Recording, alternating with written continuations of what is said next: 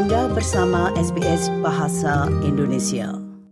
Pemerintah federal mendengar telah meluncurkan peninjauan terhadap bermasalahnya jaringan Optus yang mempengaruhi jutaan pelanggan. Sementara pengawas telekomunikasi mendorong mereka yang terkena dampaknya untuk menyampaikan isu kompensasi kepada penyedia layanan. Tinjauan ini bertujuan untuk mengkaji dampak besar dari kegagalan jaringan dan bagaimana hal tersebut dapat dicegah agar tidak terjadi lagi. Berikut ini rangkuman yang disusun oleh Tom Steiner. Pelanggan Optus kini telah terhubungkan kembali. Namun pencarian jawaban atas kegagalan jaringan besar-besaran yang dialami oleh perusahaan telekomunikasi ini baru saja dimulai. Pemerintah federal telah menyerukan dilakukannya peninjauan terhadap matinya layanan telepon dan internet. Associate Professor Mark Gregory dari RMIT University mengatakan, pemeriksaan terhadap pemadaman layanan secara nasional ini sangatlah penting. What we do know today is that the Optus network is not fit for purpose. And given that it's one of the three um, network operators in Australia, it's uh, the number two carrier in the country, um, that should be a concern for government. It would definitely be a concern for people that use the Optus network. Uh, and so we, we really need government to find out what went wrong um, and to take action so it doesn't happen again. Gangguan jaringan ini telah menyebabkan kekacauan bagi para pelanggan dan pelaku bisnis, serta melumpuhkan sistem kesehatan dan transportasi yang bergantung pada layanan komunikasi tersebut.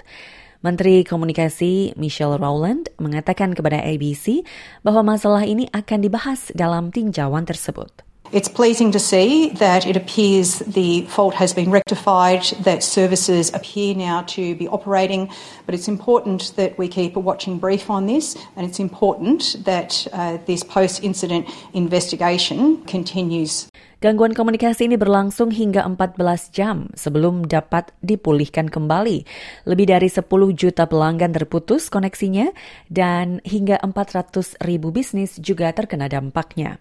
Andrew McKellar dari Kamar Dagang Australia mengatakan, mereka yang terkena dampak seharusnya memperoleh kompensasi dari perusahaan telekomunikasi ini. Yes, there should be compensation. I think here Optus needs to do the right thing. It needs to consider the impact that it's had on many of those struggling small businesses. Uh, there should be compensation. It should be financial, and we're urging Optus to do the right thing. Optus mendengar telah menyampaikan bahwa sumber masalahnya adalah kesalahan jaringan teknis yang mengakibatkan kegagalan berjenjang. CEO Optus mengatakan bahwa hal itu sekarang sedang diselidiki secara menyeluruh. Profesor Gregory mengatakan pertanyaan kuncinya adalah bagaimana sistem ini bisa mengalami pemadaman total. And yes, the questions need to be asked as to why there wasn't redundancy and why there wasn't an automated system to fall over to that redundant um, equipment and systems. You know, so there's a number of questions that Optus need to answer. Pengawasan terhadap kegagalan jaringan ini telah meluas hingga ke gedung Parlemen Federal, di mana Partai Hijau berhasil mengagendakan penyelidikan Senat atas matinya jaringan Optus. Senator Partai Hijau, Sarah Hansen Young mengatakan langkah ini akan membuat jajaran kepemimpinan perusahaan telekomunikasi tersebut harus menjawab pertanyaan penyelidikan. The ramifications were big. But what Australians are really worried about is what is going to happen next time. We need to make sure this never happens again, that there are protocols, that there are safeguards, that there is a safety net. Salah satu dampak utamanya pendengar adalah telepon rumah yang tidak dapat menghubungi triple zero. Ini adalah perhatian penting yang akan diperiksa secara independen oleh otoritas komunikasi dan media Australia. Cynthia Gebert dari Ombudsman Industri Telekomunikasi mengatakan mereka yang ingin mendapatkan kompensasi harus menyampaikan kekhawatiran mereka secara langsung kepada perusahaan telekomunikasi tersebut.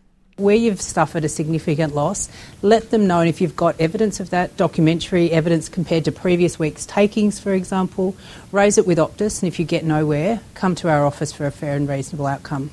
Demikian tadi pendengar rangkuman terkait tinjauan yang akan dilakukan oleh pemerintah federal atas bermasalahnya jaringan telekomunikasi Optus yang disusun oleh Tom Steiner untuk SBS News dan dibawakan oleh Tia Arda untuk SBS Indonesia. Sukai, berbagi, komentar. Ikuti SBS program Bahasa Indonesia di Facebook.